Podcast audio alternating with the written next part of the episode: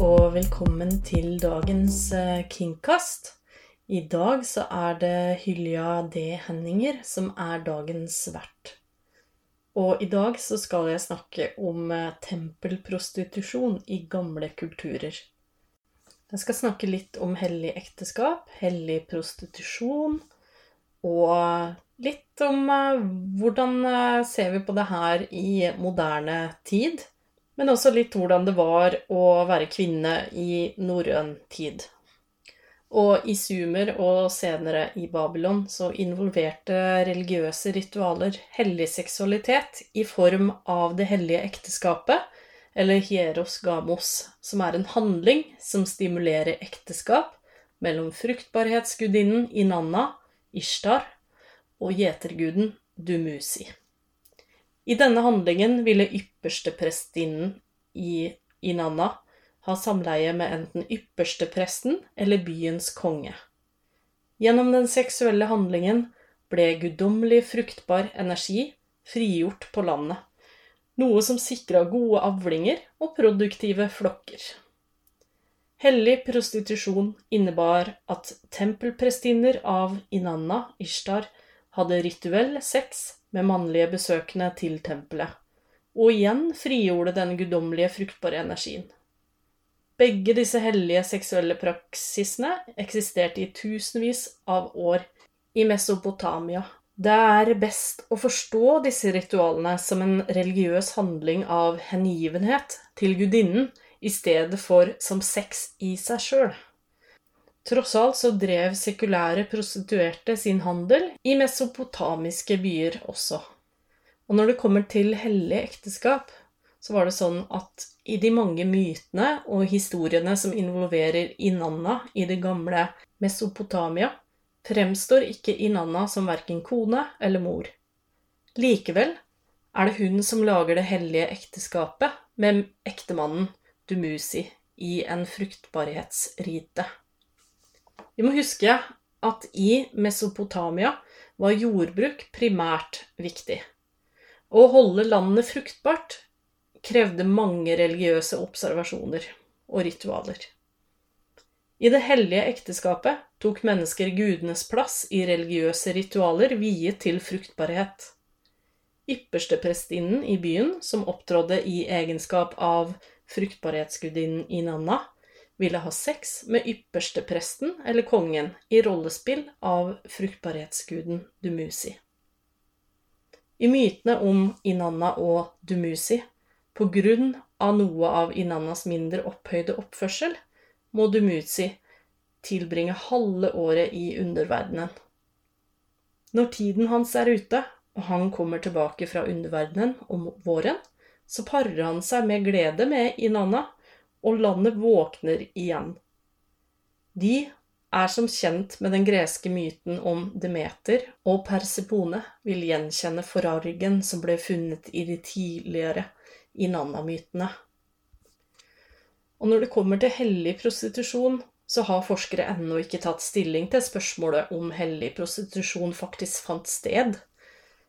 Men Herodot en gresk historiker skrev at hver babylonsk kvinne måtte gå til Ishtar i Nannas tempel og gå med på sex med enhver mann som spurte henne. Når hun utførte dette ritualet, så ga det mannlige besøkende henne penger for å donere til tempelet.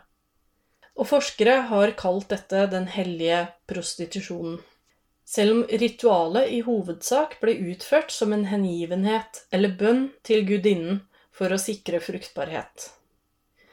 Inanna, som senere forvandlet seg til den akadiske gudinnen Ishtar, Astarte og senere fortsatt som den greske gudinnen Afrodite, er gudinnen for kjærlighet, sex, skjønnhet og fruktbarhet. Prestinner av denne gudinnen, minst én av de, opptrådde som hellige prostituerte mens de lå med menn som ønsket deres tjenester innen rituell seksualitet. Og denne presteordenen ble kalt ningig i Sumeria. Og det var ikke bare kvinner som var hellige prostituerte, det var også menn. Tempelprostitusjon, det er ikke godt nok dokumentert til å svare på hvor utbredt det var. Og også eh, i hvor stor grad særlig kanskje kvinner ble beskyttet mot overgrep og, og krenkelser. Men eh, hvis vi ser på vår egen kultur, eh, går tilbake til norrøn kultur, så, så, kan man jo si at vikingen, vikingene de fortjente definitivt sitt dårlige rykte for å voldta og plyndre. Ja, eh, fremmede land eh, i første omgang. Men eh, hjemme så var de utrolig progressive. Kvinner fikk lov til å eie land og ha en regjerende tittel som ligner på jarl, der de kunne være den høyeste autoriteten over et oppgjør eller et sted. Og de var også en av få kulturer som hadde skjoldmøyer, som kjempa side med side med de mannlige krigerne i kamp. La oss bare tenke på Catherine Winnick i Vikings. Eh, for de av oss som, eh, som må ta et ekstra pust der. Ja. Kvinner kunne også forlate sin ektemann hvis han var voldelig, eller om, om han var en uh, velkjent uh, filander, og, og, kvinnen kunne da forfølge ekteskap med en annen mann uten straff eller offentlig skam. Og norrøne kan ha vært kjent for sin voldsomhet i kamp, ja, men de var også en avansert kultur på mange andre måter. Og hellig prostitusjon, tempelprostitusjon, kultprostitusjon og religiøs prostitusjon det Ja. Vi kan jo kanskje se noen likhetstrekk inn i vår egen kultur i forhold til fruktbarhetsritualer som har blitt utført for å, for å få bedre avlinger, annet.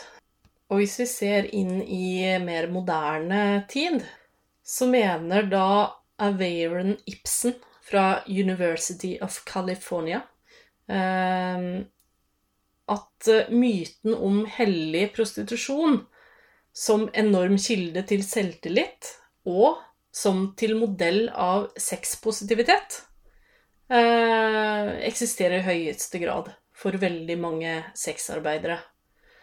Og hun sammenlignet situasjonen med figuren Maria Magdalena. Hvis status som prostituert, selv om den var kortvarig, og i henhold til kristne tekster og omstridt eh, blant eh, akademikere, har blitt feira av sexarbeidende kollektiver, eh, bl.a. hos Sex Workers Outreach Project USA, i et forsøk på å avstigmatisere jobben sin. Og Ibsen eh, spekulerte i at akademiske strømninger som prøver å fornekte hellig prostitusjon, er ideologisk motivert og tilskrev dem feministers, inkludert meg selv, ønske om å være anstendig. Og i sin bok The Sacred Prostitute Eternal Aspect of the Feminine berømmet psykoanalytikeren Nancy Qualls Corbett hellig prostitusjon som et uttrykk for kvinnelig seksualitet og en bro mellom sistnevnte og det guddommelige samt et brudd fra verdslig seksuell degradering. Og den hellige prostituerte elsket ikke eller hadde sex for å oppnå beundring eller hengivenhet fra mannen som kom til henne. Hun krevde ikke at en mann skulle gi henne en følelse av egen identitet. Snarere var dette forankra i hennes egen kvinnelighet. Og Qualls sidestilte også sensurering av hellig prostitusjon for å demonisere kvinnelig seksualitet og vitalitet. I hennes tempel kom menn og kvinner for å finne livet og alt det det hadde å tilby, i sanselig nytelse og fryd. Men med endringen i kulturelle verdier og institusjonaliseringen av monoteisme og patriarkat kom individet til Guds hus for å forberede seg for døden. Og denne oppfatningen den deles av flere skoler innen moderne hedenskap. Blant dem Vika, som ser på hellig prostitusjon avhengig av dens historiske støtte. Som en legemliggjørelse av sakraliseringen av sex.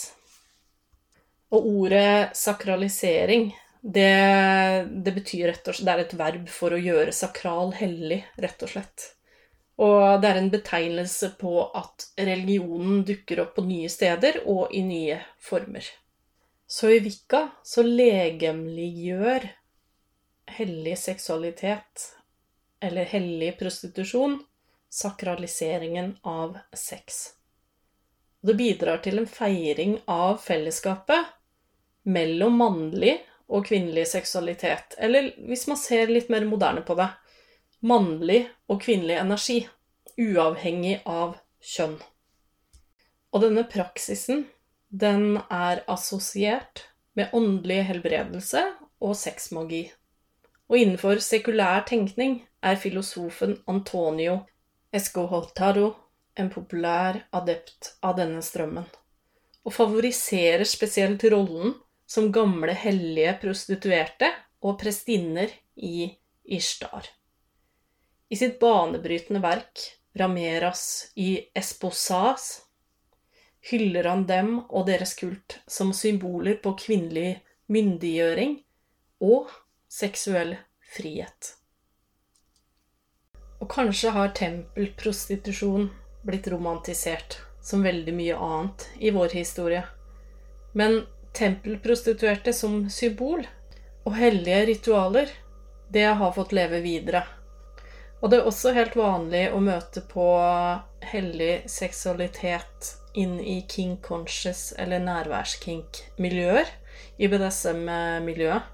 Og det fins også mennesker i BDSM-miljøet som kaller seg for prester, for prestinner, og da er det ofte ikke kristent eh, eller knytta til en eller annen spesifikk tro. Det, det, handler rett og slett om at man har legemliggjort kjærlighet eh, og bevart sin seksualitet og oppnådd en høyere åndelig autoritet. Og tempelprostituerte, de, de styrka jo ofte andre på en måte sånn at de, de kunne gjenopprette kontakten med seg sjøl og sine åndelige krefter gjennom nytelse og bønn. Den hellige prostituerte, den blir ikke skamma. Den blir ikke sett på som et offer, eller skal heller ikke tvinges til prostitusjon. Og der er skillet. Det her er ikke snakk om trafficking. Det her er ikke snakk om tvinges inn, eller at det er en bakperson, at det er en hallik, at det er noen som på en måte presser et annet individ til å gjøre noe. Det her er noe som skal være en frivillig handling. Og en vanlig praksis eh, som kan finne sted, er noe som kalles å ta krigen ut av et menneske. Og eksempel når man kommer ut av en krig, så kan krigerne inviteres til å gå gjennom tempeldørene. Og prestinnen vil da bade eller lindre eller elte den fysiske, følelsesmessige og åndelige såra som har oppstått under krig. Og derfor så kan det jo for veldig mange også være nyttig når man skal bearbeide vanskelige ting i livet. Noen bruker jo også tempelprostitusjonsritualer i kink og i king conscious-miljøer for å bearbeide traumer. Men det, det her har vi jo snakka om før i forhold til BDSM i episoden vår BDSM og terapi. Og der må man være veldig kritisk og veldig varsom før man oppsøker en veileder eller en terapeut med king conscious eh, erfaring. Eh, fordi du møter jo på mye rart der også, som i de fleste andre steder. Og det skal være en god Du skal vite i forkant av at du vil tåle å stå i det.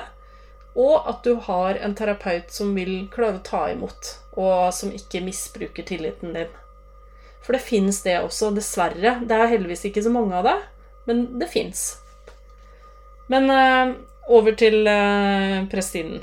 Hun uh, hun ville da, i en sånn setting, eh, etter å ha bada, lindra og elta den fysiske og følelsesmessige skaden til krigeren, så ville hun utvida sitt magiske felt for å absorbere all dens sårede energi. Bokstavelig talt trekke ut effekten av krig fra krigerens kropp, sinn og sjel.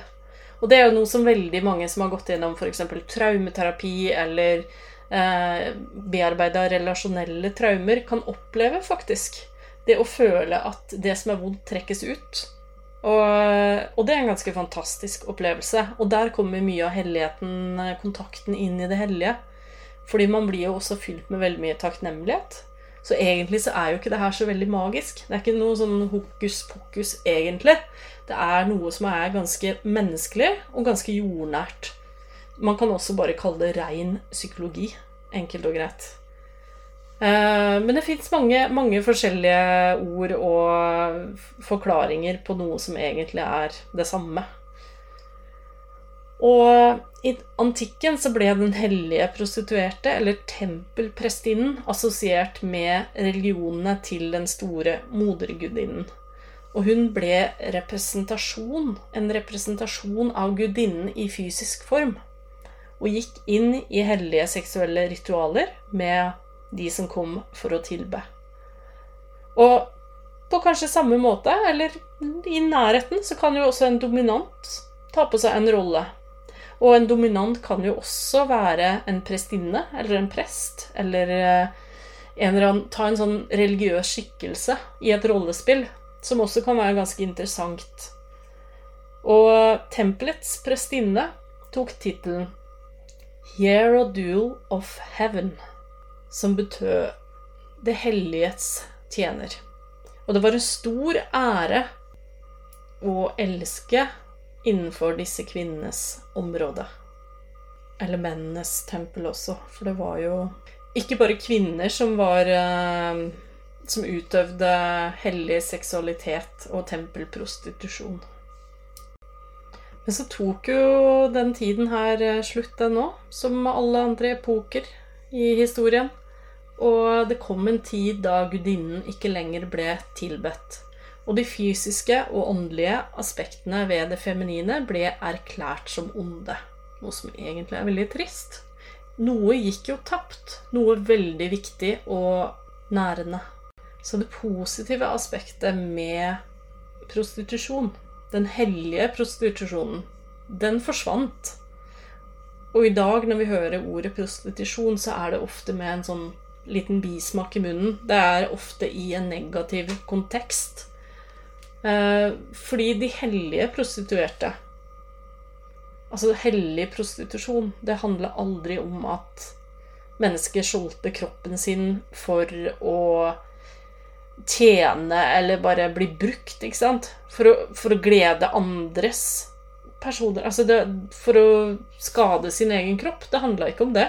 Det var snarere ideen og åpenbaringen om å se forbi denne typen selvdestruktiv atferd. Det var mer veien inn enn bare overfladiske, simple behov.